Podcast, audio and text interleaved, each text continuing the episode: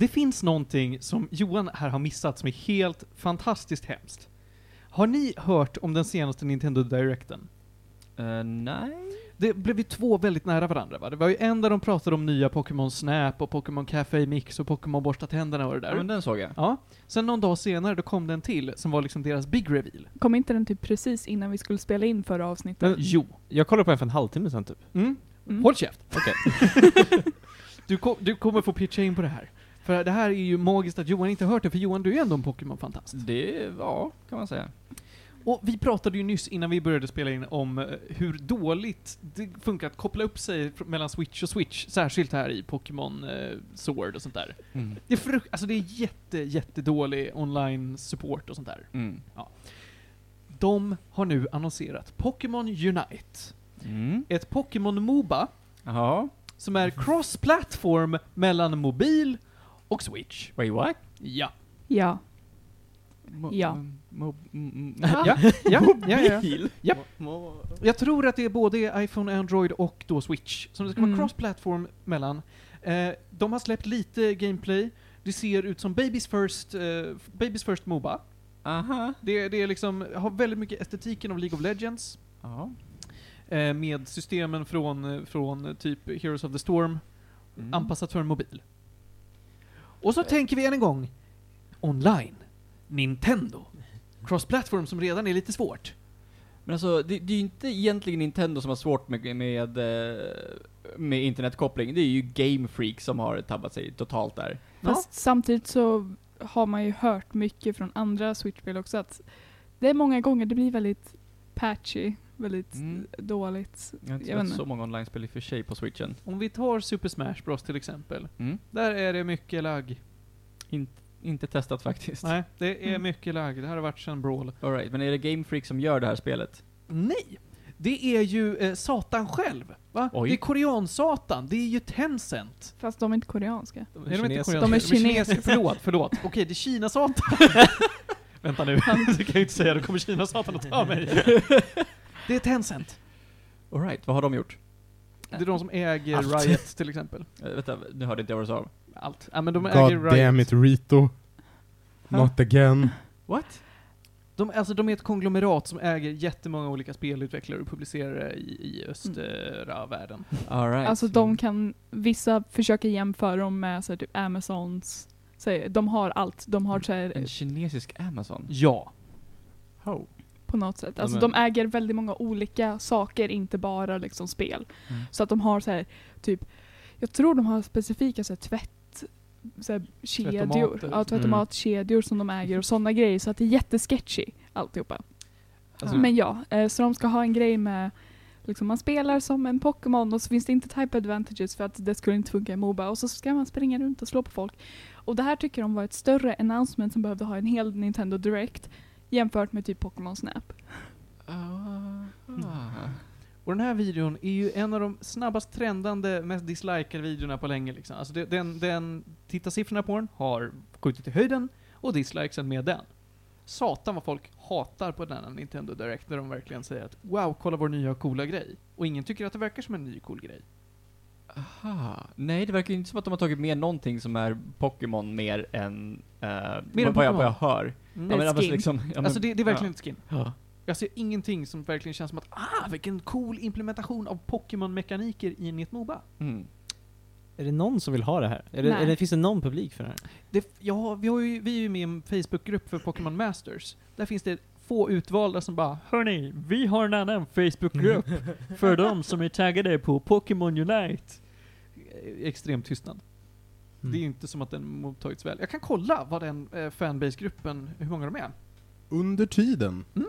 så kan jag informera om att de, de äger Riot, Mm. Mm. de äger Funcom, de äger Sharkmob, som är massa före detta Ubisoft-utvecklare. Mm. Mm. Och sen har de typ så här, de har delägarskap i Grinding Gear, alltså Path of Exile. Mm. De har delägarskap i Supercell, så Clash of Clans och alla såna här webbaserade. Ja. De har delägarskap i Epic Games. Mm, De har delägarskap i Glue Mobile, de har delägarskap i Activision Blizzard, de har delägarskap i Paradox, de har delägarskap i Ubisoft, eh, och Miniclip och Oj. typ såhär tio andra.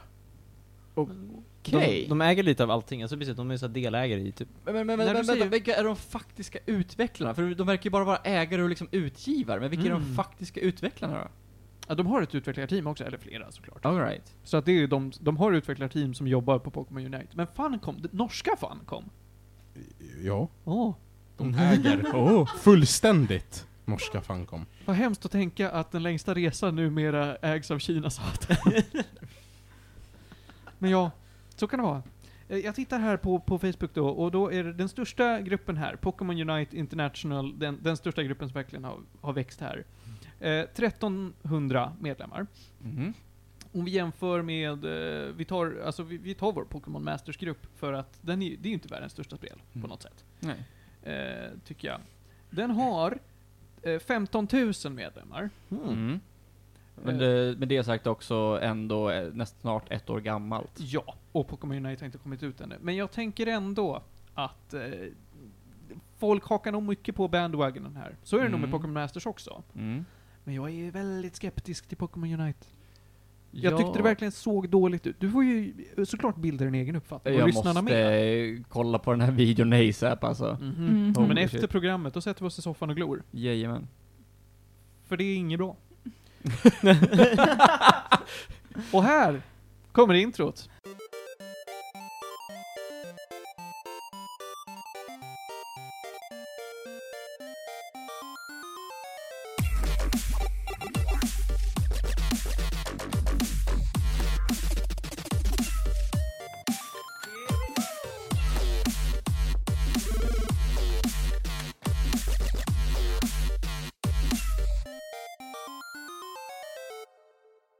Mina damer, mina herrar, det är dags för avsnitt 55 av Medis Radio, podcasten om all typ av möjlig fin och ful kultur. Idag är det den tionde kanske?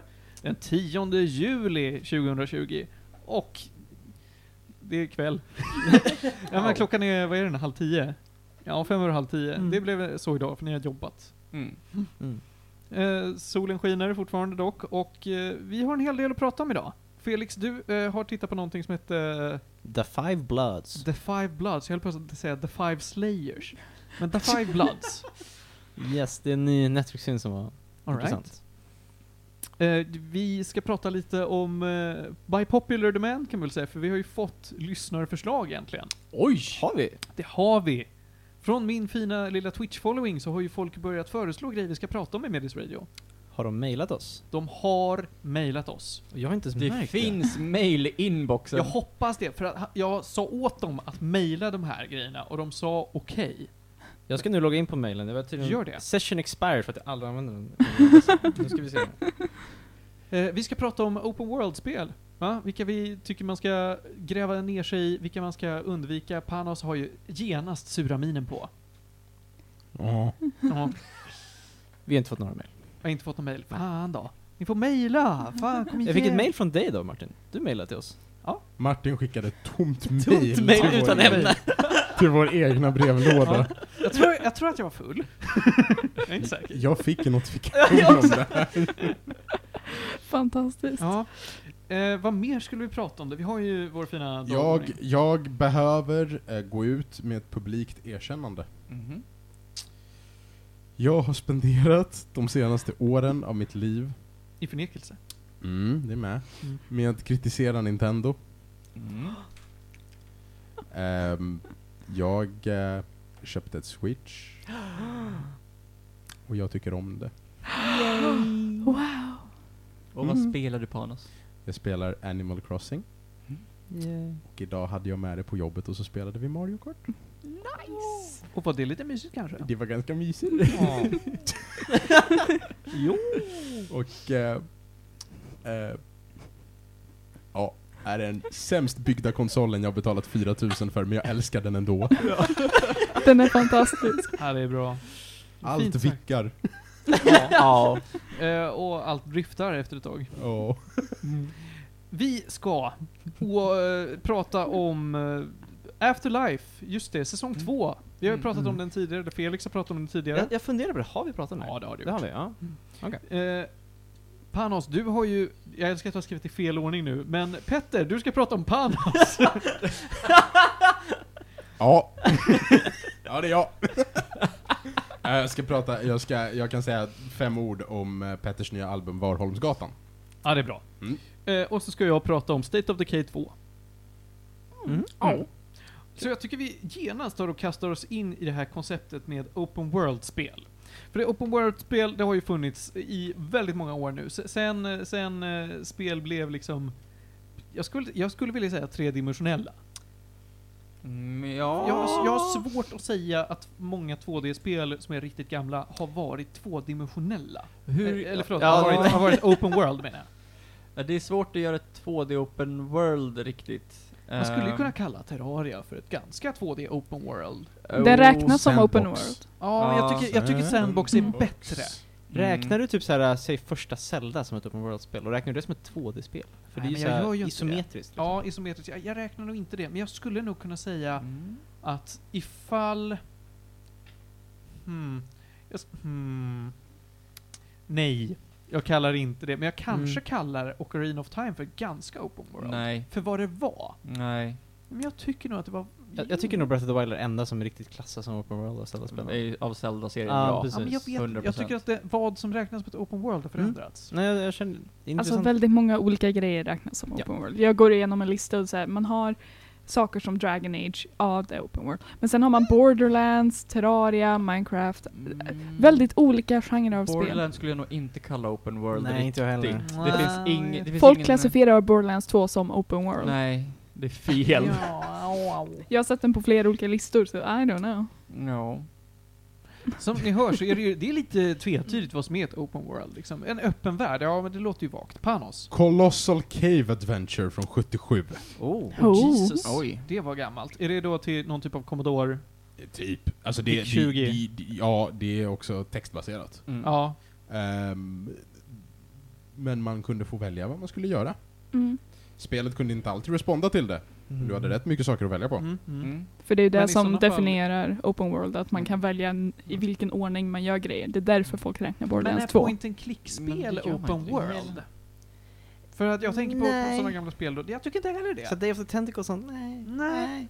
Också så här Fairpoint, även många flight simulators skulle kunna räknas som open world. Ja, det köper jag. Mm. Det är också ett gammalt koncept. Mm. Mm. Ja. Mm. Vad är Euro Truck Simulator open world? Ja, Ja. fast... Du kan world. åka till din fasta destination, men du kan också åka på villovägar. Det är sant. Ja, men det kan jag göra i Zelda 1 också. Jag kan ju gå till den här dungeonen, eller så gör jag inte det. Ja, men du kan ta dem i vilken ordning du vill, Ja. utan att det faktiskt är en glitch. Ja, men- Så att, ja, alltså jag skulle nästan räkna Zelda som eh, en Ja. open world. Ja, okej. Ja, ja, men jag, det är som sagt tvetydigt. Men om vi går till vad som vi vet att vi tycker är open world. Red Dead Redemption. Mm. Det är väl open world? Ja. Ja, bra. Alla är nöjda med det. Fallout, Fallout, Skyrim, absolut. hela Elder Fallout. Scrolls. Ja, tycker vi att de gamla Fallout är open world? Jag tycker det. Eh, ja, det skulle jag säga. Ja. Därför att... Där är eh, jag inte heller begränsad av någonting. Precis. Du, du kan... Du, egentligen så, där är ju målet bara att ja, men du ska ut och hitta den här grejen för att ja, men, rädda vårt vattensystem egentligen. Mm. Eh, och sen så vet du egentligen inte vart du ska gå, så det är ju open world. Ja, det är ju mycket det här med att du inte hålls så mycket i handen. Utan vär- Mm. du släpps i en värld som är din att utforska. Så det finns ett tydligt, ja det finns en punkt A och det finns en punkt B. Men du kan verkligen, verkligen ta dig en tid att, att här, göra egna mål, det finns andra mål att hitta och du måste inte göra allting i en snittlad bana. Eh, jag hade någonting på, på, på G, ja men det här spelet, det är ett kanonexempel, men nu tappade jag det helt. Faktiskt. Eh, gammalt spel eller? Ja, det var ett gammalt spel. Men jag, som sagt, jag tappade det helt. Så det, det, vi skiter i det. Morrowind? Ja, det var exakt Morrowind jag tänkte på. Herregud, Tack så mycket. Elder Scrolls är väl allmänhet? Ja, jag Ja. tänkte Nej, men Elder upp Scrolls 1 och 2 är jag osäker på. Alltså, tvåan kanske. Tvåan kanske. Ettan är ganska open world, men det är inte kul. Det är bara autogenerat. Ja, men det är ettan verkligen open world. Jo men du kan gå, du kan gå ut i hela Tamriel typ. Ja, kanske det. Det är det största open world-spelet av alla typ. Nej, inte Daggerfall större. Och Daggerfall kanske är större, Jag men tror båda de är faktiskt så att här obeskrivligt stora jämfört med andra spelen. Men ja, okej, vi säger Elder Scrolls då. Mm. Elder Scrolls, absolut open world. Assassin's Creed. eh, ja. Mm. Det, jag tycker det beror lite på. För att i, ä- alltså typ ettan, där är det ju så att du kan inte resa till alla städer direkt. Nej, men de är alltså så här, de är ju skriptade. Men det, som i, du måste göra saker i en viss ordning för att komma framåt. Mm. Men det är ju open world och det är framförallt free roaming. Det är free roaming, men Mm. tycker du att, alltså om vi ser varje stad som en hubb, är det en open world? Ja, det är det. Är Sly Cooper i så fall ett open world? Sly Cooper är nog så nära man kan komma open world i den generationen av Playstation 2-spel. Jack and Daxter. Eh, ja, tycker Mm. nog alla Jack and Daxter, alltså 1, 2, 3 i alla fall, Ja. är open world. Jag vill Mm. inte säga Lost Frontier, för det är lite mer linjärt. Mm. Fast jag har en öppen värld. Mm. Då kan man ju fråga, är Sims 3 open world? Lägg av! För saken är den att om man kollar på det som kategoriserar open world så är det inga loading screens, att liksom den världen man har kan man gå i hur man vill och inga objektiv. Sims 3. I wanna erase that hot take. Men, men då är ju Animal Crossing open world. Oj, vad open den är. Sandbox. den är så liten. Lilla, det är hela min värld på den här. ja, precis. Open Mm. world. Det, det beror, okej, i sådana fall, med den, med den logiken, är så ett en open world-film? Wait, what? Vad, vad sa du för något? Är så ett en open world-film? Den utspelar sig bara ett litet Jaha. rum, men det är hela den världen. Alright, uh, tillbaka. Nej, jag, jag skulle inte, jag hade ingenting på G. Det, det är i alla fall mycket, mycket MMO Ja. är ju Mm. open world. Ja, det, ja. det bygger ju liksom, det är ju med definitionen. Mm. Mm. Men det, jag tror också att det är lätt att från början börja liksom med rollspelen just eftersom att där har du egentligen grunden att, liksom, att utforska på ett helt annat sätt än Mm. vad eh, men från början om de här äventyrsspelen egentligen hade. Då, då är ju målet att men, ta sig till slutet och rädda ja, men, someone. Eh, och då, då tar du egentligen från punkt A till B till C till D. Medans i rollspel, då går det egentligen ut på att ja, men, utforska. Och det är egentligen Mm. utforskningen som eh, ja, jag antar att det är där Open World börjar. Och sen så Mm. eh, kan man väl därifrån eh, ja, men, börja fundera på vart ja, men, det egentligen börjar. För att där har ju ja, men Zelda 1, där du kan egentligen utforska eh, och liksom egentligen ta dig vart du vill. Eh, du måste inte göra Dungeons i ordning, däremot och egentligen du, jag tror att man kanske måste hitta vissa items för att klara vissa. Ja, så är det. Du, du, Eh. det finns saker du inte kan, alltså du kan inte ta dem i vilken ordning du vill. Mm. Men det finns några där det är så här, ja du kan gå till antingen den här eller den här, ha så kul. Mm. Men Mm. med den logiken, Mm. än en gång, så är det ju då att då har vi en öppen värld med instanser i. Mm. Mm. Borde inte det translatas på samma sätt till Ocarina of Time? För du var ju lite, lite skeptisk där i början. Mm. Och det är nog fortfarande eftersom du inte kan ta du, eh, du kan inte ta, uh, vet du det, de här, eh, de tre första kan du eh, alltså, viktiga stenarna kan du inte ta i vilken ordning du vill. Du kan inte ta medaljongerna i vilken ordning du vill. Eh, Eh, Säger du att det, det är mycket mer linjärt än många andra Zeldan liksom? eh, inte mycket mer linjärt. Men lite mer linjärt. Men de flesta Zelda är så. Alltså, Ah, jag vet inte, jag tycker Twilight Princess är open world. Det tycker jag absolut. Det tycker jag är, jätte, det är väldigt linjärt. Eh, mer, mer open world än Ocarina of Time, men fortfarande inte open world. Ja. Majora's Mask, å andra sidan, är mer open world än vad någon av de alla andra har varit, förutom Breath of the Wild. Ja, ja, men det kan jag nog hålla med om Mm. faktiskt. Det håller jag med om. Jag vill ändå säga att jag tycker åtminstone, för jag har ju faktiskt inte spelat uh, Ocarina of Time, Mm. men jag tycker fan med att Twilight Princess är, o- räknas som ett open world. Ja, vi, alltså, en grej med Twilight Princess, och speciellt så här, vad jag tycker att ju mer liksom, för det spelet, du, världen bygger ju upp liksom ut efter hur du utforskar storyn, och du kan liksom inte riktigt gå vart du vill i den världen. Du är verkligen, du måste följa den här linjära pathen genom alla dungeons för att låsa upp alla delar. Och det är det jag känner lite grann, det, det, vet jag, det är det som avgör tycker jag om det är ett open world riktigt. Kan du gå vart du vill när som helst? Eller måste du liksom följa en slags ordning av liksom quests eller någonting för att kunna låsa upp grejer liksom? Känner jag, inte, för mig är det väldigt viktigt att bestämma, är det open world eller inte? Eller är det bara att jag leds genom någon värld liksom? Alltså, att det, det är lite subjektivt. Eh, jag vill att vi ska prata om, inte, inte bara om va, vad som är open world, utan eh, vi behöver prata om liksom de olika dragen. Alltså så här, varför kan open world-spel vara problematiska? No Oh. Man's Sky. Skit i No Man's Sky, No Man's Sky är inte ett open world-spel, No Man's Sky är Är en brinnande visst? katastrof som Hindenburg. Ja, ja. Ehm, ja det, det är sant förvisso, men du kan, måste ju säga att No Man's Sky är ett open world. Sure, absolut. Men det är också en brinnande katastrof. Eh, jag menar att även välgjorda open world-spel, stundvis är problematiska på grund av sin open world-natur. Assassin's Creed Odyssey. Assassin's Creed Odyssey, obviously. Eh, för att open, där, där tjänar en stor del av världen bara att vara timesync. För Felix Mm. del, Far Cry 3. Jag tänkte precis säga Breath of the Wild, men ja, sure, det är det också. Ja, men, ja, men så här, saker du tycker är problematiska. Jag gillar inte Breath of the Wild, det är det som jag tycker. Jag tycker inte det är ett tråkigt spel. Nu, nu sa du att du inte gillade Breath of the Wild. Breath of the Wild gillade du väl? Nej. Nähä. Du har Han ju, tycker om att laga mat. Det, det är Ja. kul att laga Ja, det är mat det i du spelet. På tal om är det, får jag låna Breath? Inte av mig, jag har inte den. Nej. Ja, jag ska nog spela klart Vi någon har det gång. inte. Det bara går Nej, just det, långsamt. det har vi inte. Eh, Nej, vi men, lånade det av Gabriel. jag glömde bort det. I, Nej. I alla fall, jag, mitt klassiska exempel, och eh, hatmail skickas till medisradio.gmail.com, ehm, är ju eh, Skyrim. Jag har aldrig spelat Skyrim så jag kan ju faktiskt inte säga någonting om det här. Mm. Jag lyckades missa det för jag hade inte en dator från där den kom ut tills den blev för gammal tyckte jag. Ja, jag har det, Det på finns PS3, det är ultim- bara att köra. Det finns ultimata editions till de flesta konsoler nu. Det kommer väl en Ja, PS5 men alltså, Skyrim har släppts typ tio gånger. Ja. ja men det är där jag har problem med. Ja. Vilken du ska skaffa. Nej, Att, att de finns. har gjort det. Jag tycker Ja. att det är De onödigt. Det är Ja, så här, du du nej. behöver ju inte köpa det mer än en gång. Men har du inte spelat det så är det ju värt att köra Skyrim en gång. Tycker jag. Jag Det tycker känns nog som vid det här det. laget så är det så här att, ja men, det enda jag liksom, jag har ju varit med när folk har spelat och det, jag vet inte, vilket, nej. Alltså det är ju inte världens bästa spel, men jag tyckte det var kul. Så här, ett bra open world-spel ska antingen motivera dig, det ska antingen ge dig en morot för varför du ändå ska följa storylinen.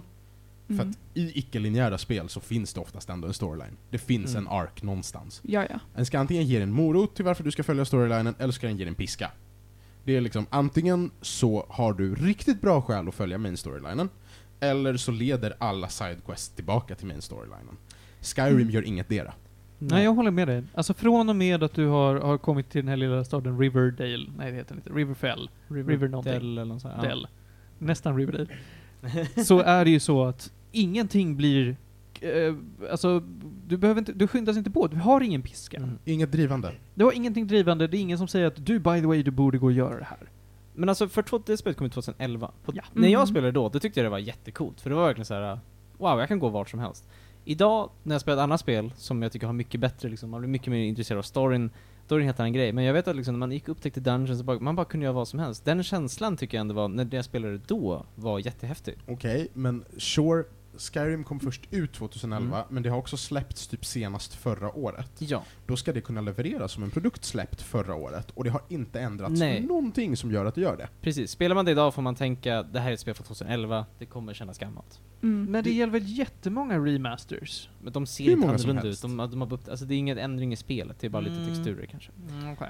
Så, så att jag tycker Skyrim är ett utmärkt exempel på ett open world-spel som är bra på att vara open world, men väldigt dåligt på att vara ett spel. Jag skulle vilja lyfta Mm. ett eh, gammalt PC-spel som heter Freelancer. Hört namnet, inte mer än så. Jag vet inte. Mm. Det är alltså ett eh, gammalt, eller gammalt, men det är ett rymdspel. Alltså från eh, åh, hyfsat tidigt 2000-tal, gissar jag. Eh, där man spelar som eh, karaktären Trent, som har eh, jobbat på en eh, rymdstation som sprängs. Och sen så blir massa intriger och grejer. Ja. Trent ser ut som en riktig jävla Kyle. Uh, tänker du, du South Park eller? Jag tycker bara, oj vad han måste dricka monster. Ah. oj oj oj. Och, och curla biceps. Ja, fortsätt. För eh, där kan du då, eh, ja men du tar eh, jobb, du, du är fri, frilansare liksom, du tar jobb, du köper skepp, uppgraderar och massa sånt där.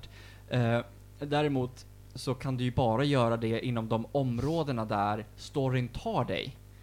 Men när du väl då har klarat spelet så är du ju verkligen fri att eh, undersöka alla rymdsystem och liksom plocka jobb, eh, alliera dig med faktioner och liksom göra massor av saker. Där skulle jag ändå vilja lyfta open world, open space kanske. Mm. Eh, Det påminner mig jättemycket om spår, det där. Rymdfasen. Nja, okej. Nej men, men jag tänker i alla fall så här, så att du, först har du en story, Mm. och när du är klar med den, då fan blir det EVE Online. Eh, Oh typ. boy. Ja, men, Fast, eller vänta, eh, vad gammalt. online? Nej men Freelancer, Ja. låter det på, på Johan liksom. Ja, ja, ja, visst. Mm. Men är det inte lite mer RPG-element än EVE? Eller? Eh, Jag vet inte hur mycket RPG-element det är i, i inte. Typ inga. ehm, Men, men ja, poängen var väl, jag kanske inte, man kanske inte ska vara så extrem, men poängen är att sen får du liksom din chans. Ja, men du kan även eh, liksom mellan story-uppdragen eh, så kan du egentligen göra vad du vill, men oftast då bara inom de syst- solsystemen eh, man är i, därför att, halvspoiler, man är en eh, någon sorts rymling, så jag menar, du kan ju ändå lårmässigt ändå inte ta dig överallt. Mm. Eh, så att det, liksom, det, det håller, men du kan inom ramen ändå göra hyfsat open world-grejer. Du kan fortfarande alliera dig med tekniskt sett eh, vem du vill. Eh, även om det inte superrekommenderat kanske att alliera sig med rogues när du fortfarande är allierad med ja, men, the government of this space. Mm. Ja. Eh, men ja, så det är ändå, jag skulle ändå ja, men vilja lyfta det gamla spelet för det var fett nice. Jag har många bra minnen av det. Nice. Jag, jag är ändå imponerad. Alltså det är ju ett spel släppt år 2000. Mm. Det var ett 2000 alltså? Ja, och, och det, det låter väldigt öppensinnat och, och modernt för att Mm. vara släppt år 2000. Ja. Mm. Och typ publicerat av Microsoft. Japp. Jag tänker Förvånansvärt bra story också, förlåt. Vi, nej, det är ingen fara. Jag, jag tänkte att vi ska gå vidare nu, för vi har ganska mycket på agendan idag. Mm. Så vi ska inte gråta ner oss allt för mycket. Men ska vi gå ett varv runt och säga ett open world-spel vi faktiskt vill lyfta fram som bra? Mm. Johan, du har ju nämnt Freelancer. Ja. Ja. Och jag, trots att Felix inte tycker om det, så vill jag säga Far Cry-serien. All, från tvåan och framåt så är de ju open world. Ettan är ju, ja, levelbaserat. Men jag tycker att de åtminstone ger en, en piska att ta sig framåt och precis som jag gillar Breath of the Wild så finns det tillräckligt mycket att göra runt omkring för att känna att Mm. det är värt att fortsätta springa runt bara. För att hitta saker, upptäcka världen. Eh, jag kommer inte på något specifikt så. Final Fantasy 13.3. Ouch. Halvt. Watch Dogs, Men jag har inte spelat Watch Dogs. GTA. Sleeping Dogs. Jag har inte spelat GTA. Um, Yakuza. har jag inte sett. Alltså, jag är ju inte så involverad när det kommer till Assassin's Creed. Jag har inte spelat. Stalker. Ser hon ut som en tjej som har spelat Stalker? World of Warcraft. Nej. Thief. 1 till 5. Mario Kart Battle Mode. Nej, Dark Souls. Minecraft. det har jag. Men jag vet inte om jag kan lyfta fram det. Det är, så här, det är ett spel. Bloons Tower Defense. ja, tack. Minecraft får vi från dig. Pat, pat, pat. Felix. Som sagt, Yes. det, är antingen det eller typ Dragon Age. Bara för att jag gillar Dragon Age-serien. Mm. Ehm, men det är så här, jag vet inte. I, ibland så räknas de som open world, ibland inte som... eh, Jag skulle inte säga att Dragon Age Origins är ett open world-spel. Nej. Jag har inte spelat Inquisition. Så. eh, Inquisition är väldigt mycket mer. jag, Jag tycker om Inquisition. Du, du är sjuk i huvudet. det. Eh, yes, jag skulle vilja lyfta fram, surprise surprise, eh, The Witcher 3. Men vad fan Felix? Nu håller du käft Paulus. Nej men det får man väl göra? Ja. Men det var det jag ville säga! Ja, för sent. För jag sent. tycker att det bygger Bloons väl... Jag tycker det bygger väldigt bra det Panna sa om Skyrim, med att för 2011 var Skyrim jättebra, men sen tycker jag Witcher 3 har liksom gjort om det lite grann att innehållet i den open worlden i sig är jätteintressant, att alla questen är värda att göra, de knyter in på ett bra sätt i main storyn och det är liksom det är väldigt få saker som inte är värda att göra i det spelet för att jag tycker att det känns som att de har lagt tid på allting. Till skillnad varför jag inte tycker om typ Far Cry eller Breath of the Wild, för det känns som att allting man gör är tråkigt. Medan i det här spelet tycker jag allting är liksom nice, questen är kul, karaktärerna är kul, det är liksom bara underbart att upptäcka världen. Jag håller verkligen med om att eh, alla sidequests knyts in Mm. i main storyn på ett bra sätt. Precis, och jag har aldrig sett något liknande hur de har liksom storylines som bara branchar av in i main storyn, hänger på main storyn och sen så branchar de ut och fortsätter. Så det är liksom jag hoppas att vi får se sånt i Cyberpunk, men jag, liksom, jag har aldrig sett något Mm. sånt annars utspela sig. Men med Alltså- tanke på att det ändå var tredje delen i serien och det här var Zeldas första open, riktiga open world så kan vi väl hypa tvåan lite grann? Breath of the Wild 2? Ja. Alltså, när det gäller Witcher 3 så önskar jag att jag kom förbi det faktum att jag bara hatade hur kontrollerna kändes. Mm. För jag tycker alltså hur man rör sig är jätteobekvämt så jag, jag kom inte Mm. förbi det. Så jag har inte spelat nog Jag, jag, har fan, jag har fan spenderat mer tid på att göra lustiga piruetter för att svängkontrollerna är lite Mhm. asymmetriska I... ä- i Witcher 3, Mm. än vad jag har spenderat på att faktiskt jaga monster lairs. Men- ja men det är rimligt, jag jagade aldrig Monster Lairs. Nej. Nej. Men Panos, vad vill du lyfta fram? Ja, Okej, det får väl bli Assassin's Creed då. Ja, tack Eh. Hjärndöd, Hjärndödsson. Nej men det, det, det, stundvis bra spel, och stundvis väldigt, väldigt, väldigt öppna, stundvis lite mindre. Ehm, Något särskild, någon särskild del i serien? Alltså jag skulle nog säga att som öppnast har det ju varit i, i spelen med fokus på haven. Så att uh, Jar har Fidelity och, eh, och Origins, Prostagma. Prostagma och Odyssey är ju väldigt mycket vattenfokuserade. Du säger Jar Har Diddly och nämner, säger inte fyran. Ja. Det är det han säger. Det är, så, det är så man säger. Det där IV uttalas så. Aha, okej. Ja. Stumt IV. det, är jag, det är jag som är seg, right. Och, eh, ja, nej, eh, det får väl bli Assassin's Creed. En snabb inflikning. Julia, tycker du att Vampire the Masquerade Bloodlines var ett open world? Det finns ju, alltså det är precis som Sly Cooper, att det är väldigt stora hubbar. Är det icke-linjärt? Inte i sto- main storyn är inte icke-linjär, nej. Jag kom bara på det, typ Dark Souls och så From Software-spel, är de open world? Ganska. Jag Alltså- nämnde ju det nyss egentligen som Mm. förslag, Mm. kastade mot uh, Julia. Sa jag det? Förlåt. Ja. Mm. Mm. För jag tycker typ det, men ändå inte. På samma sätt som jag tycker typ Metroid är open world, så tycker jag Dark Souls är open world. De är liksom ungefär, men inte riktigt. För det är ändå Ja. ganska så här linjärt, inte, in, fast inte riktigt. Jag vet inte. Metroidvania är ju lite av en egen genre. Ja men det är det jag känner, och jag känner att Dark Souls är mer Metrovania än vad det är open world, känner jag. Men jag håller nog med dig. Mm. Jag håller nog med dig. Mm. Eh, det ligger där på kanten. Mm, Liksom. ja men precis. Men, vi är klara här tycker jag. Om Panos inte, du såg lite taggad ut. Nej, jag tänkte bara säga att det spelar ingen roll om du kan gå runt hela kartan. Om spelet tvunget guidar dig mot ett håll, då är det inte open world. Ja, det gör ju ändå Vampire the Masquerade Bloodline, så då får jag väl säga nej till den. Nåväl, vi går vidare och ska prata om Afterlife, säsong 2, som Felix och Johan har sett. Vill Ja. du det? Nej, du, du kan ta den. Okej. Du får Eh, fräscha upp minnet, för det var länge sedan vi pratade Mm, om jag såg den här för några månader sedan, jag kommer inte ihåg när den kom ut riktigt. Jag såg den precis när den kom ut. Mm. Eh, och Afterlife är ju en serie skapad av Ricky Gervais. Eh, det är säsong två som kom ut nu. Det handlar ju om att, hela konceptet för serien är ju att hans fru har gått bort i cancer strax innan serien börjar.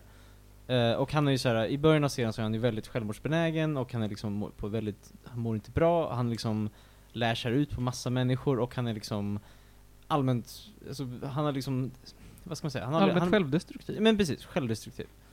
Ehm, och säsong ett handlar ju väldigt mycket om hur han liksom försöker typ bygga upp relationer med sina liksom vänner, eller liksom människorna i hans liv, hans, liksom hans svåger, personer på jobbet, alltså såhär, skulle nog mest säga att det egentligen handlar om att han eh, försöker hanka sig fram eh, Mm. varje dag. Han försöker tekniskt sett inte bygga, alltså han gör ju inget, ingenting aktivt för att bygga upp någonting utan han försöker ju Mm. ändå att liksom, ja, men, ta sig fram, eh, ta sig igenom dagarna. Eh, han kollar ju varje dag på, eh, ja, men, egentligen en videoserie som hans fru har gjort åt Mm. honom för att, ja men liksom, eh, ja men orka. mm. Eh, han går till en psykolog som är helt åt fande. Åh, åh, den där psykologen alltså. Psykologen Oh, är fuck den där psykologen. bra. Han är I så bra. är han ju värre, jag Ja, det är han. honom. Alltså, Han är riktig arsel i, två, i säsong två. Holy shit. Och jag skulle lägga till någon annan grej, men du kan fortsätta. Så kommer jag det. ja, alltså jag kan bara säga att jag tyckte säsong ett var jättebra faktiskt. Jag tyckte den var väldigt så här. Den var väldigt bra på att blanda det här sorgliga med det väldigt så här roliga. Jag tyckte att det var Mm. så mycket så här bra små grejer som, det var mycket bra små karaktärer. Jag tycker det var väldigt mycket roliga scener. För konceptet är att de jobbar ju på en liten, de bor i någon liten by va? Eller Ja, så, en en by, liten stad någonstans va? Ja. Eh, så, och så jobbar de ju på den lokala, lokala tidningen. Och då är det att de går runt och varje avsnitt så gör de ett reportage någonstans. Mm. Och jag tyckte, speciellt i säsong ett så tycker jag det var så roliga reportage. Jag tyckte det var verkligen så här, det var verkligen min sorts humor. De bara Åh nej, vi har fått en vattenfläck som ser ut som Kenneth Branagh. Vi rapporterar det. Ja, det är verkligen icke-nyheter. Det var verkligen såhär, bara, vår, vår bebis ser ut som Hitler för vi har målat en mustasch på honom. Ja. så jävla dumt. Och jag vet jag tycker sådär är väldigt kul. Och så tycker jag att alla karaktärerna var liksom såhär, jag, jag vet inte, jag bara, jag, jag tyckte de var väldigt bra bara. Jag vet inte. Brevbäraren. Brevbäraren, det är må- Brevbäraren. Mm. Ja, men det är många bra karaktärer så, som bara är med lite grann då och då liksom, som jag, och jag gillar verkligen Revenant. Ja, men det, staden känns verkligen eh, levande, även om eh, man inte träffar alla karaktärer hela tiden, men det känns Mm. verkligen som att det är en stad som, mm, där det typ händer saker, men samtidigt ingenting. Eh, det är verkligen ja, men, en liten håla liksom, Mm. Eh, där alla gör lite vad som helst för att, eh, särskilt en karaktär, för att komma med i ti- tidningen. Eh, Han är skön dock. han är, han är på sitt egna sätt är han skön. Eh, men då, säsong eh, två. Mm. Jag, jag kommer inte ihåg, riktigt ihåg vart vi är, vi lämnas eh, från säsong ett. För, för säsong ett slutar ändå, halvspoiler, ganska, i en ganska glad ton. Mm. Ja, den är ju den är i alla fall hoppfull. Ja. Till skillnad från hopplöst i början av den. Mm. Vad jag minns är väl att han är väl liksom bestämt sig att gå vidare med livet något så här. Det är väl det lite som är konsensus för för första säsongen tror jag. Mm. Därför att det som han går igenom i hela säsong ett är egentligen att, ja men, liksom, det spelar egentligen ingen roll vad jag gör för att eh, om någonting skiter sig så kan jag bara ta livet av mig. Och han Mm. ser ju det som sin superkraft liksom. Eh, när han till eh, slutet på säsongen då kommer underfund med, nej det funkar inte riktigt så. Mm. Utan jag ska jobba för att, ja men, eh, ja men, med, med, med sig själv liksom. Mm.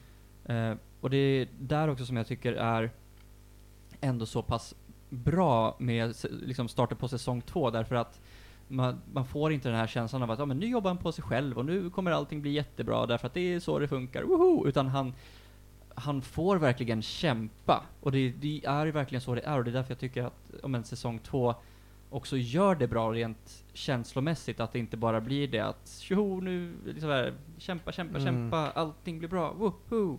Eh, utan det är, det är framgångar, det är eh, bakgång, bakgångar, Motgångar. motgångar, tack.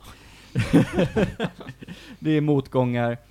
Eh, och sen så, eh, ja, men hur mår ni fortfarande? Du känner att du inte var Mm. riktigt lika pepp på säsong Alltså, två? Jag hade två problem. Jag, jag tycker dels att den inte var lika kul. Jag vet jag hade mycket, jag tyckte inte tidningsreportagen var lika roliga. Mm. Eh, jag tyckte inte att många sidokaraktärerna var liksom inte lika kul. Men mitt, alltså mitt främsta problem med säsongen var att jag tycker att den var lite repetitiv för en gångs skull. För jag tycker att det kändes som att varje avsnitt var lite samma sak. Det var att de går och hänger med de här olika personerna, träffar de här, och sen så leder det fram till, alltså så här, Jag känner aldrig att, jag tycker inte att det fanns någon riktigt så här, eh, det, alltså, Det tog sig aldrig riktigt framåt. Ja men typ, Ja. jag känner, alltså jag, de första två avsnitten så bara okej, den kommer igång, men det är ju bara sex avsnitt. Och sen till slut så, efter så klart säsongen tycker jag att det, jag tycker inte att det hände så himla mycket. Och jag tyckte det var ganska återanvänt av samma karaktärer och scener på något sätt. Jag, jag har en fråga då. Mm. För att jag hör vilken genre vi befinner oss i. Hur jämför man det här mot det numera avslutade melankoliska mästerverket Bojack Horseman? Åh, jag har inte sett klart på den serien och holy shit vilken serie det är. Mm. Den är, Eh, jag kommer inte ihåg om jag kom till säsong tre eller fyra. Men alltså jag mår ju piss av att titta på den serien Mm. av många andra anledningar bara för att Bojack är ett sånt jävla praktarsel. mm. Medan Ricky Gervais tekniskt sett inte är ett praktarsel. Utan Ja, han ja, bara ja. tar ut... eh, Du menar hans roll? Nej, jag menar Ricky Gervais personen. Mm. Nej, Ricky Gervais, Mm. hans karaktär. Eh, han är ju egentligen inte ett uh, praktarsel, utan det är ju, om man, vad ska man säga, Eh, hans, vad är det, Seven Stages of Grief, är det Five Stages? Mm, seven. Seven. Seven, ja. Eh, Eh, 42. som, eh, som man kan känna av på ett helt annat sätt än i Bojack Horseman där, ja, där, där finns det väldigt mycket mer att prata om, om andra saker. Mm. Men eh, eh, i relation till Bojack Horseman så känns den här mycket mer verklig kan man väl säga. Den känns mer verklighetsförankrad men samtidigt så är den också väldigt rolig. Den tar det roliga och det seriösa. Jag föredrar verkligen Bojack Horseman tror jag. Jag tycker det är, det är roligare, och jag tycker att den är, jag vet inte, jag tycker det är bättre story. Men ehm, jag tycker alla att den blev liksom repetitiv på samma sätt som den här blivit två säsonger. Och jag är inte så här jättetaggad på säsong tre heller, för att det känns som att de kommer bara göra samma sak igen typ. Kommer det komma en säsong tre? Ja, det Jag är tror redan de har klart. bestämt det, ja. Nej men det är redan klart. Jag, jag, tycker, jag tycker också det, det är ett Ricky Gervais signature move att göra samma sak igen. Mm. Ehm, så att, Ja, Men precis, för jag har sett Derek, två säsonger. Jag såg första, först, första säsongen tyckte jag var nice. Jag såg tre avsnitt på andra säsongen och bara, det här är ju bara samma typ. Och så slutade jag kolla, för att jag tyckte inte att det Mm. var något nytt. Och det jag, kände det var samma sak. okej dock. Alltså jag, jag, jag såg också två säsonger av Derek och bara ja, men det var lite samey, men det var okej. Det var liksom tuggummi för ögonen. Alltså jag vet inte, jag kanske, eftersom jag faktiskt eh, mådde väldigt piss under perioden som jag kollade igenom den här serien, så kan det ju vara så att jag kunde relatera till, ja men egentligen nästan allt som hände genom serien, eh, sådant att jag inte upplevde det som repetitivt. Mm. Eh, och det kan vara det som också gjort att det har fått mycket större genomslag på mig, att om det kändes relaterbart och, ja men liksom skönt att det, ja Mm. men på något vis, om att titta på det. Mm. Eh, och det är... Ja, nej, det var... jag, vet, jag vet inte hur jag ska avsluta det där, men det... eh, Nej det, var- men, Det funkade för dig. det gjorde det, Mm. Och det, det kanske är det som krävs nästan, att det känns lite relaterbart. För det är ju en serie som behandlar väldigt tunga ämnen. Och Oh, ja. kan man inte relatera, då kanske det blir svårt att uppskatta allting som inte är liksom det roliga. Då är det bara Mm. sorgligt. Ja, och eh, jobbigt. För Sam- det är ju, ja. Mm. Eh, samtidigt om man kollar på reviews, så den har ju fått väldigt mixat. Den ligger på en 6 7 av 10. Där många säger att ah, men den är helt okej liksom. Så är en average på 60 eller någonting. jag håller med ganska Ja. mycket om det. Precis. Ja, Helt och okej. ehm, det är många som klagar specifikt på humorn. De tycker att det är många gånger när de gör så väldigt cheap jokes genom att bara slänga in svärord som om det ska vara kul istället för att faktiskt skriva ett skämt. Var det många som sa. Eh, som sagt, jag har inte sett den här så jag Mm. vet inte. Ehm, men det var många som klagade Mm. på humorn specifikt i Afterlife. Jag, jag tycker dock fortfarande att, även som ett så finns det ändå väldigt många bra scener som jag tycker var kul, som jag... Jag vet inte, speciellt med psykologen. Mm. Jag hatar honom, men det är Ja. kul att se honom. Speciellt när de är på den här baren. Gud, Ja, vad, gud vad jag hatar åh, honom. Han är. Åh, då, då, var, då var det skämskudde. Det ja, var verkligen, men jag skämskudde. tyckte det var kul. Jag, jag vet. men också, jag vet inte, jag tycker det fanns mycket bra grejer. Jag tyckte hela, jag tyckte hela den här teater-storylinen var kul. Det var kul att se den här teatern. Det, det, är- det är framförallt en väldigt tänkvärd serie. Det, det är en serie där man nästan behöver tänka, eh, om man, Mm. i, i nästan varje scen, inte Mm. varje scen, men nästan varje Mm. scen. Särskilt med samtalen med eh, den prostituerade, sex worker. Ja. Eh, Hon är en härlig karaktär. hon är väldigt Mm. härlig. Eh, med tanten i, eh, på kyrkogården. Mm, ja men jag, jag gillar henne, Mm. Tante på kyrkogården. Och är konversationen med eh, hon på eh, ålderdomshemmet och med hans farsa och hur den Mm. relationen utvecklas. Så att det är, otroligt mycket tänkvärt som sker i den här. Det är inte bara humorn. Jag kan inte riktigt relatera till de här eh, skämten. Jag kanske har missat om att de skulle ha varit skämt. Mm. Eh, jag vet inte. Men eh, för mig var fokuset mer kring ämnet Mm. än kring skämtet. Och jag fokuser, åtminstone jag fokuserade väldigt mycket på karaktären. Eh, och liksom varför han säger som han gör och, ja, Mm. och hela den aspekten. Ja. Jag tror att det börjar bli dags att hoppa vidare hörni. Mm. Så att har Innan, ni, innan vi hoppar vidare vill jag rekommendera ett faktiskt mästerverk Ricky Gervais medverkade i och det är Muppets Most Wanted. Mm. Skitkul film jag kollade på nyligen, där han spelar den ondskefulla skurken Dominic Bad Guy. alltså förlåt, men okej, jag tycker Gervais, Gervais är ju stundvis väldigt rolig. Eh, och jag tycker bara, det är en så skön grej att vara med i Mupparna. Mm. jag tänker stå för för alltid att jag tycker att brittiska The Office är bättre än amerikanska The Office. Oh, jag skulle vilja se den. Hör Den är riktigt bra. Jag vill dock också säga, jag kommer inte säga några spoilers, men jag, jag tyckte verkligen inte om slutet. Oj! Jag, jag tyckte det var såhär Ja, bara, oj, jag bara jag så stängde av det och bara, Åh, nej, dåligt. åh, jag- jag tyckte om slutet. Det gjorde jag, ska jag säga. Okej. Vill ni ge det några gäddor innan vi hoppar vidare? Inte det bästa jag sett, men fortfarande väldigt nice. En åtta. 8 10. Mm. Okidokido. Alltså första säsongen var nog en åtta för mig tror jag, men den här är såhär, sexa, sjua, någonstans där. Jag All tycker right. den ändå är sevärd. Alltså tyck, speciellt om man tyckte om första säsongen så är den bra.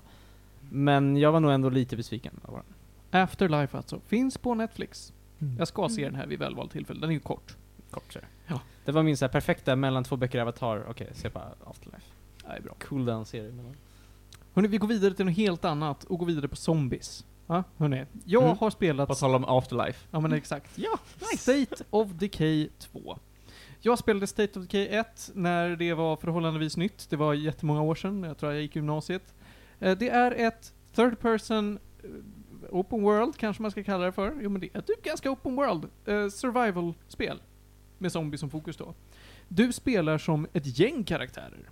Det är så att alla karaktärer i hela spelet som du träffar på, som inte är då zombies, kan du spela som.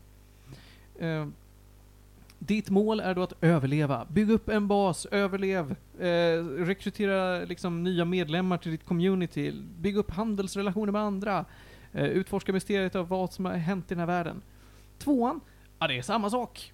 Det är samma sak. Du ska göra samma grejer en gång till, de har bara refinat mekanikerna lite grann. Storyn är inte mycket att tala om. Du är en, ett av tre stycken olika par, till en början då. Eh, eh, som tar sig till någonting de tror är ett safe haven, så visar det sig att det inte är det. Ni tar er och bygger upp en bas och sakta men säkert så bara växer ert community och ni med den. Man samlar på sig en massa resurser, man tar över små outposts och beroende på hur stort ditt community är så kan du liksom ha koll på mer saker i världen. Ni kan ansvara för att, ja men det här stället ska inte bli övertaget av zombies. Jag har alltid trott att de här spelen var lite såhär Last of Us rip-offs, men det låter ju helt Nej, inte annorlunda. alls. Det är helt annorlunda. Okej. Det är, alltså fruktansvärt lite fokus på story. Mm. Karaktärerna är dock, de är inte de färgstarkaste, men det är ändå lite kul att du kan spela som alla karaktärer du träffar. Det är lite Watch Dogs Legion liksom. Men, och jag gillade State of Decay Jag tyckte det var, inte fräscht ska jag inte säga, men jag hade inte spelat någonting liknande och det var väldigt lagom. Liksom. Det var en annan take på, på zombies. Jag gillade det här survival-elementet som inte kändes så cash grabby som ett mobil survival-spel liksom är. Eh, och det känns också som att du verkligen hade makt att expandera i den här världen. Det är inte du mot den här världen som aldrig någonsin kommer kunna vara övertagen, utan om du tillsammans med ditt community håller på och verkligen kämpar för att trycka tillbaka zombierna och ta över mer och mer territorium, så märks det. Här kände jag inte det på samma sätt. Och dessutom så kände jag att det var alldeles, alldeles för lite nytt. Det här spelet kom ut i, jag tror det var förra året. Är det så nytt? 2018. För förra året. Det ser inte ut som ett spel från 2018. Det är ju inte, det är inte ett indie-spel. Men det är ingen jättestudio heller. Vänta, är det här det spelet med motorcykeln? Eller är det något annat? Nej, det är nog det här Days, Days Gone. Ja, jag blandade ihop dem. Ja. Days Gone, ja. Just det. Ja, nej. Eh, och det, alltså det är väl lite det, alltså det är som sagt, det är samey. Du går ut, du samlar på dig lite resurser, du transporterar hem dem i någon bil som du antingen då eh, hittar på gatan eller så får du köra runt med en och samma bil. Du gör lite sidequests, du gör lite mainquests och de här poppar upp väldigt, väldigt dumt tycker jag. I, i, helt plötsligt så bara får du en notis med att nu kan du fortsätta med mainquestet. Eller nu är det någon som helt plötsligt ringer dig och säger hej, vi är ett skönt gäng som behöver lite hjälp. Och alla är alldeles för passiva och casual till själva zombie-situationen runt omkring dem. Det känns mer som att de är i Ha vad jobbigt vi har det, snarare än att världen går under och vi håller på att dö. Och vi kommer liksom, vi måste kämpa för att överleva. Utan det är en minor inconvenience. Och det tyckte jag var lite charmigt i ettan nästan. Men här kändes det som att, okej men det är inte någonting ni gör för att ta det mindre på allvar, utan det känns som att det bara är lite lat speldesign och utveckling. Så att jag är besviken, ska jag säga, på ett State of Decay 2. Mm. Jag tycker att ettan var nice för vad det var. Men jag vet inte om jag rekommenderar något av de här spelen nu 2020. Men det här var helt single player va? Eller är det något man kan spela co-op? Eh, Man kan spela co-op. Nej, man kan det? Okej. Ja, då tror jag att det ka- kanske blir lite bättre. Det känns lite som ett sånt spel kanske var kul att spela Ja, det tillsammans. är liksom. lite sandbox. Mm. Det, man kan hitta på allt möjligt skit och man kan forma världen lite som man vill. Och, eh, man kan gå på massvis med coola äventyr. Men marginellt bättre skulle jag nog tycka att det blir. Så jag tror inte att jag rekommenderar det här faktiskt. Fast jag var så himla taggad på att spela det när, när det väl kom ut. Ja, tittar ni på någon sån här film eh, footage från det? Nej. Nej. Bara allmänhet liksom. Ja, Mm. Bara bild. bilder ja. Nej. Det ser, det ser lite ut som vad som helst. Jag Det är tyckte... ganska generiskt Ja men det, alltså. det ser rätt generiskt ut, men det kändes inte så generiskt. Men nu gör det det. Särskilt då eftersom att det är så lite skillnad. Så jag säger, jag är glad att jag spelade det, men jag är besviken och jag ger det en solid 5 av 10. Det är ändå rätt lågt, men det är för att det, jag tycker inte det förtjänar mer. Det lyfter ingenting genom mig. Det var också väldigt kort. Det var också jättekul för att det fanns någon bugg där en av karaktärerna uh, här, POV var sned. What? Mm. Utan ja. anledning. Det var väldigt buggigt när det släpptes, så det har fått lite mixed reviews. Men nu var det verkligen att e- en av de här karaktärerna jag hade, jag tror jag hade, när jag slutade spelet, man kan maxa 50. Eh, jag hade 13 tror jag. Av dessa 13 så en hade då, så fort du flyttade dig till den karaktären, så blev skärmen sned. Det kanske var en zombie som hade huvudet snett. Det kanske det var. Jag har verkligen ingen aning. Men det var så konstig bugg. Alltså jag kunde byta ut från den, byta in, starta om spelet. Dess POV var bara sned. Det måste ju bara varit ett programmeringsfel om aldrig fixade det. Alltså. Ja men alltså jag, jag vet att det var inte så från början, utan Mm. det var verkligen en bugg som uppstod av att det hände något i spelet Mm, som okej. aldrig gick tillbaka. Mm. Intressant. Ja. Men som sagt, 5 av 10, tyvärr State of Decay 2, ni får inte en tumme upp av mig. Det var också Mm. inte jätteintressant för streamen att titta på. Jag tänkte såhär, men fan zombies gillar folk och vi går på lite sandbox shenanigans. Det var bara tråkigt. Men sånt där kan vara kul att ha på streams också egentligen liksom bara säga ja, här händer ingenting. Eh, fixa bilen. Ja, men typ. Eh, Vet du vad jag blev lite besviken över? Innan vi hoppar vidare till nästa ämne. Mm. Jag eh, streamade ju Pokémon Röd igår. mm. Det var inte jätteväl mottaget. Va? Folk tyckte inte det var överdrivet kul. Jag hade väldigt låga tittarsiffror och folk var såhär eh. Och jag bara, men hörni, name that Pokémon och folk bara, "Nej, jag bryr mig Du verkligen. vet, du vet ju alla älskar Minecraft. Ja. Du vet ju Pokémon Red inte är Minecraft. Ja men jag, jag försöker verkligen lyfta Eller ut Fortnite. Ja men jag försöker, ja, jag- det tänker jag inte spela oavsett vad, men jag försöker verkligen lyfta ut min fanbase från att bara gilla när jag spelar Minecraft. Men det är svårt. Det kanske man inte kan göra när man har åtta följare. Jag har 95. Har du inte Men 97 det- till och med? 97 till och med. Okej Men, Karen. men, men det, det, är inte, det är inte så streaming funkar. Nej, I'm sorry.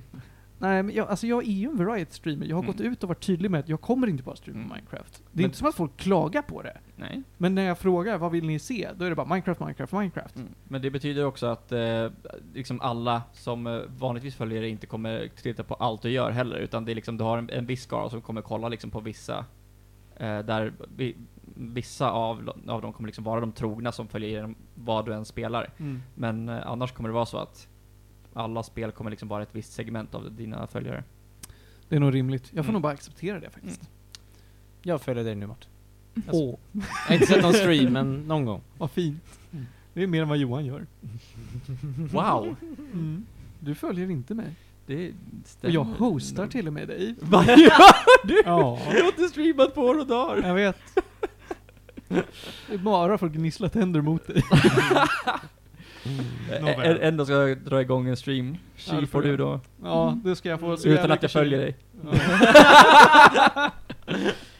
Nåväl hörni. The ska- Five Bloods. The Five Bloods ska vi prata med nu. Det är en Netflix-serie du Mm. har sett va, En Felix? film faktiskt. En film Mm. till och med, okej. Take it away. Yes. The Five Bloods kom ut så här en månad sedan ungefär. Och jag var ändå ganska taggad på den, för det här är regisserad av Spike Lee, som har gjort Ah. Black Klansman och en hel annan del väldigt bra filmer som Do the Right Thing, Malcolm X, mycket så här. Ligger inte Black Clansman på Netflix nu? Jo, den ligger också. Mm. Jättebra film Ska passa på att se den. Mm, den är riktigt bra faktiskt. Vem är huvudrollen nu igen? Eh, John David Washington. Just det. Denzels son. Mm. Eh, men i alla fall, The Five Bloods. Det här är en, hur ska man förklara, det är typ en Vietnamkrigsfilm. Det handlar om fem stycken soldater, som var liksom en platoon i, i Vietnam. Där en av dem dog, och det får man liksom inte riktigt veta hur, men den har dött på något sätt. Och sen i nutid så har fyra av de här kompisarna träffats igen i Vietnam efter liksom första gången på jättelänge. Och ska liksom tillsammans åka ut i Vietnams djungel och hitta kroppen på sin liksom bortgångne kompis och liksom ge honom en värdig begravning. Det är liksom outlinen för den här filmen. Sen så är den ganska tråkig. Det här är en två, typ och 40 tim två timmar och 40 minuter lång film. Den är väldigt lång. lång. Halv. Och jag var så här, men det är en krigsfilm, de brukar vara långa, det är säkert nice. Det här är, en, alltså det här är inte riktigt en krigsfilm, det är liksom, det finns flashbacks där man får se dem, de håller på att slåss. Och flashbacks ser så här äh, extremt dåliga ut. För en grej filmen gör väldigt bra är att varje gång det är flashbacks så är det i 4x3 ratio och det är liksom filmat på film, så man ser att det är väldigt gammalt. Det ser ut som att det är filmat på 70-talet, det är jättesnyggt. Och sen när det är nutid så har de Ibland typ IMAX tror jag, för de har jättehögt format, och ibland har de liksom standardformat. Och de, de leker väldigt mycket med hur de ändrar ratios hela tiden, på ett väldigt nice sätt, vad kul. Men det är mycket så här scener där jag inte vet om det var låg budget eller om de bara medvetet gjorde det dåligt. För det var liksom typ en helikopter som ramlar och så skjuter de den och alla bara ah! Och så ramlar de och så skakar det och så ser man att det är en obviously CGI-helikopter som ramlar. På ett sätt som är så dåligt att jag bara, är det ett skämt? Eller är det bara att de inte hade pengarna för att göra det snyggt? Jag vet inte. Och det blir väl såhär, eftersom det är Spike Lee så bara, han är ändå en väldigt bra regissör, jag, han kan inte bara släppa igenom det utan att ha en poäng med det. Men det är på flera ställen i filmen där, jag, där de gör liksom konstiga liksom, alltså konstiga val i storyn som bara inte leder någonstans. Jag tycker slutet är dåligt, det händer inte särskilt mycket i filmen. De, mycket så här konstiga scener där de bara löser problem på ett sätt som inte är logiskt och inte stämmer historiskt heller. Nu när, för det, är en, det bygger på en bok som är liksom, det bygger på riktig historia. Eh, som gör att, jag vet inte, jag vet inte vad man ska få ut av den här filmen. Jag tyckte den var ganska långtråkig. Jag tyckte karaktärerna var nice, jag tyckte skådespelarna var bra, jag tyckte de hade bra dialog. Men det, det, det räcker inte, det lyfter inte upp till det mycket liksom. Det finns, det finns ingen riktigt skäl att se den här filmen. Den är så här. Är det några skådisar man känner igen? Eh, det enda jag känner igen var en snubbe från The Wire typ. Men det är Mm. ingen så här. eh, ja, Sean Renault är med i en liten roll. Sean Renault, vad han Eh? Leon. Chadwick, Ja, ja, ja. Chadwick Boseman? Ja just det, förlåt Chadwick Boseman. Han är också Jaha. inte med särskilt mycket. Vad Chadwick Boseman är en av... Sean Reno i någonting. Vad sa du? Gud vad länge sedan det var, jag muttrar bara för mig själv att säga, gud vad länge sedan jag såg Sean Reno i någonting. Ja, jag har inte sett, jag har inte sett John Reno på jättelänge, men han är en dryg fransman typ. Det var kul att se honom. Han ser väldigt gammal ut. Jag har, han har inte Ja, varit med i han, film på... han har sett jävligt sliten ut jävligt Ja. länge. Men jag har inte sett honom på film på typ 10 år sedan, så jag vet inte var han var någonstans. Men eh, i vilket fall, ja precis, Chadwick Boseman är med i en mindre roll. Annars så är det inte så mycket så här, inga kända riktigt. Alltså, men jag tycker alla var bra. Alltså så här, det var alla intressant liksom så här. Jag tycker alla hade, de var väldigt olika. Den här filmen är ju givetvis väldigt politisk och sådär, men jag tycker alla var liksom väldigt intressanta i hur de liksom tog upp olika delar och allting. Men jag vet inte. Jag vet inte vad poängen med den här filmen är. Det är det som stör mig lite grann. Det känns som att det fanns någon slags budskap, men jag fick verkligen, efter jag var klar med det så kände jag att jag fick inte ut någonting av det. Jag, jag ähm behöver nog faktiskt rätta dig. Mm. För den här är inte baserad på en bok. Den är baserad på ett skript som legat oproducerat i nästan tio år. Men var inte det också baserat på en bok eller? Jag, jag vet inte, men jag Okej. vet att det har legat ett tag och sen har man reworkat den ett par gånger. Mhm. Ehm, vilket potentiellt kan förklara varför den stundvis kanske är lite osammanhängande. För att, Kanske. ja, ja, jag vet inte. Det, Mm. det, det så här, jag... ehm, jag tycker det här verkar rätt skumt. Mm. Jag förstår att de, jag förstår också att de gjorde, har läst om det, att de gjorde valet att liksom inte ha eh, någon form av de-aging på skådisarna i Ja, flashbacksen. det var faktiskt också en poäng när jag bara, jag förstår inte, för att en av skådespelarna, den personen som dör, han är ju ung, alltså Chadwick Boseman. Mm. Resten av alla är ju lika gamla i flashbacksen som de är nutid. Och jag var såhär, Mm. det här är ju obviously liksom en, en poäng med det här, men jag förstår inte. Är det bara att de inte hade råd att göra de-aging? Kan vi Vilket- kolla på budgeten? För det är mycket som verkar vara så här budgetproblem eller, ja, jag ska inte säga kompetensproblem, men, Bud- men liksom. Budgeten är 35-45 miljoner, vilket är en acceptabel budget för en indieproduktion. Mm. Det här ska ändå vara så här en två timmar 40 minuters krigsfilm, det känns som att det är inte en in, alltså det är verkligen inte en indiefilm på det sättet känns det. Men, men det kanske bara inte är kriget som är i fokus. Nej. Nej, jag, jag vet faktiskt inte. Men det är mycket sådana grejer som jag bara blir förvirrad av. Och jag vet inte, alltså det, jag tycker inte att den är... Alltså är man verkligen superintresserad av... Det här var ändå en... så Det var kul att se Vietnam på det sättet. De, det finns lite så här tydliga nods till liksom Apocalypse Now och sådana grejer som jag tyckte var väldigt mysiga. Men... Men Anna, jag vet inte, jag har väldigt svårt att rekommendera den här filmen. Det är inte så mycket man får ut av den liksom, tycker jag. Nej. Och den är alldeles för lång. Men, ja. Den, den, har, den har en approval rating på Rotten Tomato av 92%. Mm. Och den Mm. scorar regelbundet runt en 8 av 10 på en massa olika sajter. Oj. Precis, den har Huh. fått väldigt bra betyg av kritiker, men den user-scoren är ganska låg, och IMDB är ganska låg. Så att jag vet inte om det är någon, det är någon disconnect här, vilket är intressant, för jag, det känns som att det är någonting jag missar, vilket vissa hittar i den här filmen. Men jag vet inte vad det är. Ja, ibland är det ju så. Typ Mm. Last of Us 2, hörni. Alltså, Den- holy shit. Jag är inte klar Ja. med det, jag är 15 timmar in, det har inte hänt någonting. Vi, typ. eh, Vi kommer till det. vi Mm. Borde klar. inte prata om det just nu. Nej. Men oj. Mhm. Ja, oj. Men vi tar, Säg vi jag tar det när det är klart. Ja, nej men vi ska inte spåra. Eh, I vilket fall, alltså... Ja, alltså det här filmen man kan se, den är en Netflix-film. Jag skulle aldrig sett den liksom på bio, men det är så här, för att ha liksom en, jag hade en kväll och såg den. Fair enough, alltså så här, det- det var ingen liksom förlorad kväll så, men det var, ja, det är ingen film jag någonsin kommer se om igen liksom. Visst är det väldigt mycket rasifierade skådisar överlag? Hur menar du då? Jag menar som i, man har gjort en film om Vietnamkriget som inte bara handlar om white dudes. Ja, jag kanske borde sagt att alla är afroamerikaner i huvudcasten liksom. De fem Mm. stycken soldaterna. För det är typ den kontexten jag har Mm. hört om det här i, och det är sånt Spike Lee typ är känd för. Ja, alltså precis. Spike Lee gör ju så civil rights-filmer liksom om det här. Och jag, sure, alltså de har lite så här. en grej den här filmen gör, så fort de nämner någonting så visar de oftast upp ett scen eller ett klipp från nutiden. Så de har haft liksom, det finns Black Lives Matter-grejer, det finns liksom massa olika grejer som är ganska nutida inlagt Mm. i filmen. Men jag tycker inte heller att de var jätterelevanta. De har liksom släckt in referenser till liksom allting från Muhammad Ali till uh, Martin Luther King, alltså massa olika kända personer som de klipper in riktigt footage från liksom. Men jag tycker ändå inte att det gavs mycket att se allt det tycker jag. Fun fact. Samuel Jackson, Giancarlo Esposito, Don Cheadle och John David Washington var alla tillfrågade huvudrollen för den här. Jaha. Damn. Damn. Ja. Men alla tackar nej. Ja, eller De är upptagna med massa produktioner, det är Mm. kanske inte jättekonstigt om de tackar nej till den lilla Netflix-rullen. Mm. Ja, nej, jag, jag vet inte. Jag tyckte inte om slutet. Alltså så här rent... Ja, manuset och kändes som att budgeten var lite problem. Mm. Men alltså, det, man kan se den. Alltså den är ju liksom, det är inte bortkastad tid liksom. Vill du ge en Gäddor. Den får en 5 av 10. Det är så medioker. Alltså, det är inte världens sämsta film, men den är... Vi har två korta ämnen kvar nu innan Mm. vi eh, ska avsluta för idag. Eh, Felix, har du någonting mer du vill lägga till om det här? Mer än att den är medioker? Ja, jag skulle säga se, om man vill se någon liksom Spike Lee-film, se Black Clansman, för den är verkligen jättebra. Men den här är... Ja, den är jag, inte, jag kan inte riktigt rekommendera den. Vad heter den här Netflix-filmen som var i svartvitt som handlade om en betjänt? Roma. Roma. Det här känns, det här känns som din Roma. Jag tyckte ändå för- Roma var bättre. Jo, jo, men jag menar, jag tyckte Ro- jag kände för Roma som du kände för den här. Ja, att den var Det jättehyllad. vill säga, meh. Jag håller med att den var för tok för hyllad. Men jag tyckte ändå Roma var så här, jag tyckte ändå den var nice. Den här får jag inte ut så mycket av. Men Hör du Peter Askegren, berätta om Panos Tufexis. Ja, nej, tjena, hej. Um, nej men så här. Petter har återigen släppt ett nytt album. Eh, vi gillar Petter, åtminstone jag och Martin gillar Petter väldigt mycket. Eh, det här albumet heter Varholmsgatan, kom ut lite tidigare i vår. Eh, och redan innan albumet kom ut hade Petter väldigt tydligt kommunicerat att det var ett annorlunda projekt. Eh, och det är ett väldigt annorlunda projekt. Det är en väldigt, mycket mer chill platta. Eh, det är lite mer alternativa samarbeten. Det, det, det, är, det är bara lugnt. Jag, jag tänker starkt gå ut och säga att det här är en ljummen skiva. Mm. Eh, Är det ljummen för att vara Petter eller en ljummen skiva för att vara musik?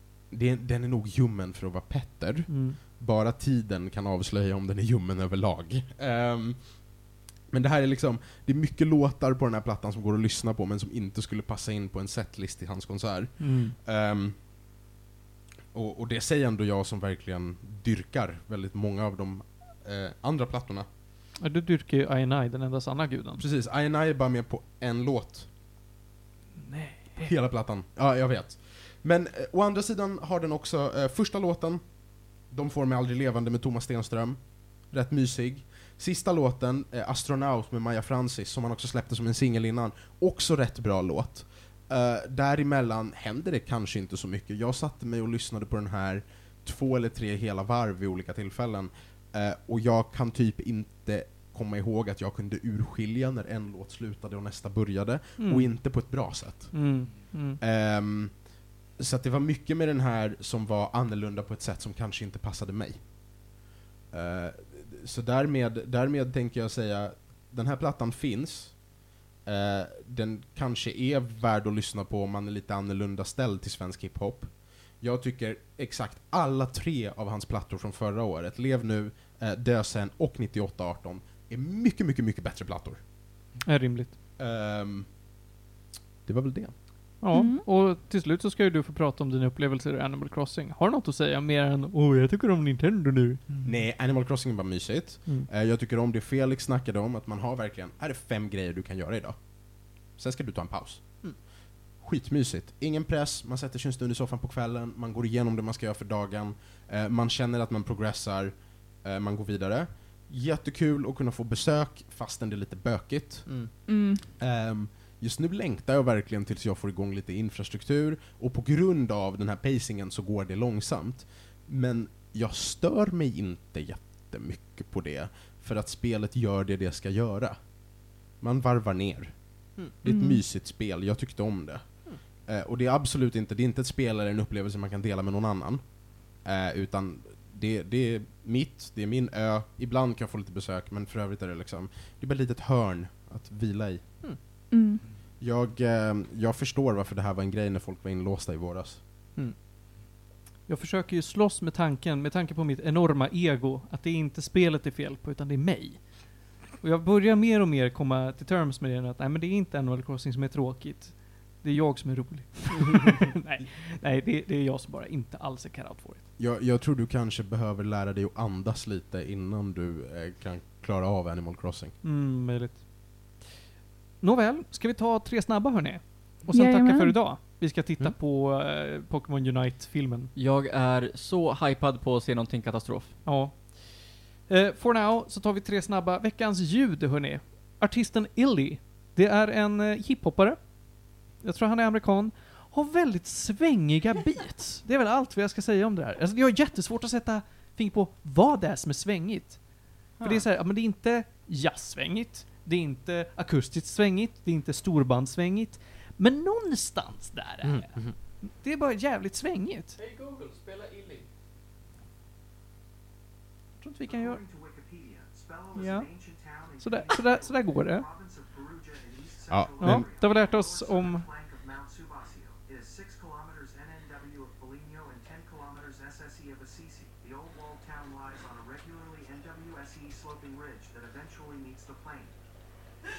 Det där var ingen bra idé Johan. eh, förlåt. ja, tydligen är han australiensare. Och jag Jaha. vill bara påpeka en grej, han har ett jättecoolt namn, han heter Alistair Murray. Det är ett cool, cool. Det är ett coolt namn. Det är ett coolt namn. Vilken kille. Nej men alltså det, det är ingenting som jag säger så här. det här ska ni lyssna på. Men jag har hört lite låtar av honom och tänkte, fan det, men det här svänger. Någon kanske plockar upp det och känner att de har hittat sin grej. Eh, I vad man ska titta på så har ju den eh, fantastiskt intressanta, ska inte säga bra, men intressanta animen Food Wars kommit ut på Netflix nu. Panos, det här är ju sånt som du avskyr. För det här är ju... Suck. Ja, men det är ju sådär som är så bisarrt att det är kul. Men du gillar inte det bisarra från Japan. Nej. Det är alltså, Felix du vet inte alls vad det är, eller hur? Du, nej, Kastar precis. mat på varandra. Det är en matlagningsanime. Eh, om en kille som är eh, superduktig kock och han går på en skola med superduktiga kockar och hans mat gör så att folk basically får orgasmer ibland. Det, det, alltså det är så extremt. Folk är så otroligt extrema med mat. Och alltid så är det liksom, de gör en höna av en fjäder med Den här kocken säger att du aldrig någonsin kommer få röra en kniv igen ifall du inte lagar den bästa måltiden någonsin. Och så gör han världens bas- mest basic måltid. Men sen så vänder han på det och så är det en cool måltid istället. Låter Yaketa till Japan eh, lite roligare på något vis. Sure! Jag har typ sett enormt mycket GIFs Mm. från det här på olika så här meme-forum. Mm. Ja, det är väldigt meme-vänlig anime. Ja. Jag tycker det är väldigt kul när det är så här japanska grejer när de lagar mat. Jag är väldigt taggad på, eller jag tycker det är jättekul att spela Monster Hunter World för att se animationer med katterna som lagar mat. Är det jätte- open world? Nej, nej, nej, nej. Nej. Men det är väldigt kul mat. Men det har ju World i namnet. I alla fall, så jag ska inte säga att det här är jättebra och jag har sett fem avsnitt. Men jag tycker att det är underhållande i sin bisarrhet liksom. Det är jätteweird att bara lyssna på det och inte se det, för det är Det verkligen... låter som en hentai. det låter verkligen som en hentai. Det är hemskt. Det är mycket, mycket folk som stönar över hur god slash hemsk maten är. Mm. Men det, det ser jävligt gott ut. Ja, väldigt väl detaljerad mat. Eh, slutligen, vad jag tycker man ska spela hörni. Mm. Jack and Daxter HD-trilogin. Ja. Det är klart man ska. Va? Finns det Playstation 3. Och i open world. Och är det Open World har vi bestämt. Ja. släppte de det, aha, det kom ut Playstation 3? Ja, alltså det är ju gamla PS2-spel. Men det finns en HD-trilogi liksom på en skiva, precis som Sly Cooper, Jack and Daxter. Det, Eh, det är och någorlunda open world. Ja. Är Det är precis som Zelda så är det Open World med instanser. Mm. Mm. Eller Fallout. Är det Naughty Dog som gjorde det va? Eller? Ja, det är Naughty Det är Dog det, som va? gjorde det. Mm, faktiskt. De gjorde ju Crash Bandicoot, sen gjorde de Jack and Daxter och sen hoppade de vidare till Uncharted. Mm. Ja. Eh, tumme upp hörni. Jack and Daxter det går aldrig fel. Mm. Tills de började göra eh, lite halvskumma grejer där. Folk har ju sina åsikter om eh, Lost Frontier. Och jag kommer ju aldrig gilla det här fantastiska racingspelet som tog mig en eftermiddag att klara ut. Jack X. Jag min, jag, det kan jag ta, för jag, vi har någon minut kvar. Jag kan berätta en anekdot om det. När jag var liten så hade jag en granne som bodde tvärs över gatan som vi lekte ofta med. Vi var ofta hos mig för att hans familj var tråkig och jag var rolig för jag hade massa tv-spel. Men han hade ett Playstation 2 och till det hade han Jack X. Jag fick alltid komma över till honom och hjälpa honom att klara svåra banor. Och då tänkte jag att ja men vad fan, då kanske det här är ett riktigt bra spel ändå. För jag tyckte det var kul där och då och det verkade finnas mycket content. Det var ju så att nej, jag klarade varje bana åt honom. Det var Mm. inte så att jag hjälpte honom, för jag träffade bara honom varannan vecka, för jag bodde inte så ofta hos min pappa där jag kunde träffa honom då. Men satan vad kort det spelet är alltså. Det är jävligt lätt och jävligt kort. så jag var så besviken när jag, alltså jag, jag köpte det, gick hem, klarade det samma eftermiddag. Gick tillbaka dagen efter och försökte lämna tillbaka det, de bara nej. Va? Var det inte på GameShop eller Game? Det eller var på GameStop. Va? Men de tar ju tillbaka. Det är klart de gör det, även Ja. med mitt kvitto. Kom jag Ja. där och bara, men jag vill lämna tillbaka det här, men nej. The fuck. De var jävligt osköna då, men jag var ju också 12, så att vad skulle jag Det göra? har inte kostat som konka alltså. Ja, men... äh, GameStop. Hörni, med, med de orden så tycker jag att vi avslutar för idag. Det var ett väldigt, väldigt tight avsnitt måste jag säga. Mm. Fullpackat. Fullpackat. Jag hade roligt, jag hoppas ni hade roligt och jag får tacka till alla som har lyssnat. Och framförallt er. Panos, har du något att säga? Eh, eh, min slutsats är att det är väldigt mycket av det vi har snackat om idag man inte ska ta del av. Ja, This jag tänkte detsamma. Det var mycket som var tråkigt eller mycket som säger nej, jag rekommenderar inte det här. Mm. This episode was a cautionary tale. Tack för oss. Julia. Ja. Pa eh, Johan. Japp, japp, japp. Felix. Hej. Panos. Tack. Och jag heter Martin. Och jag jobbar.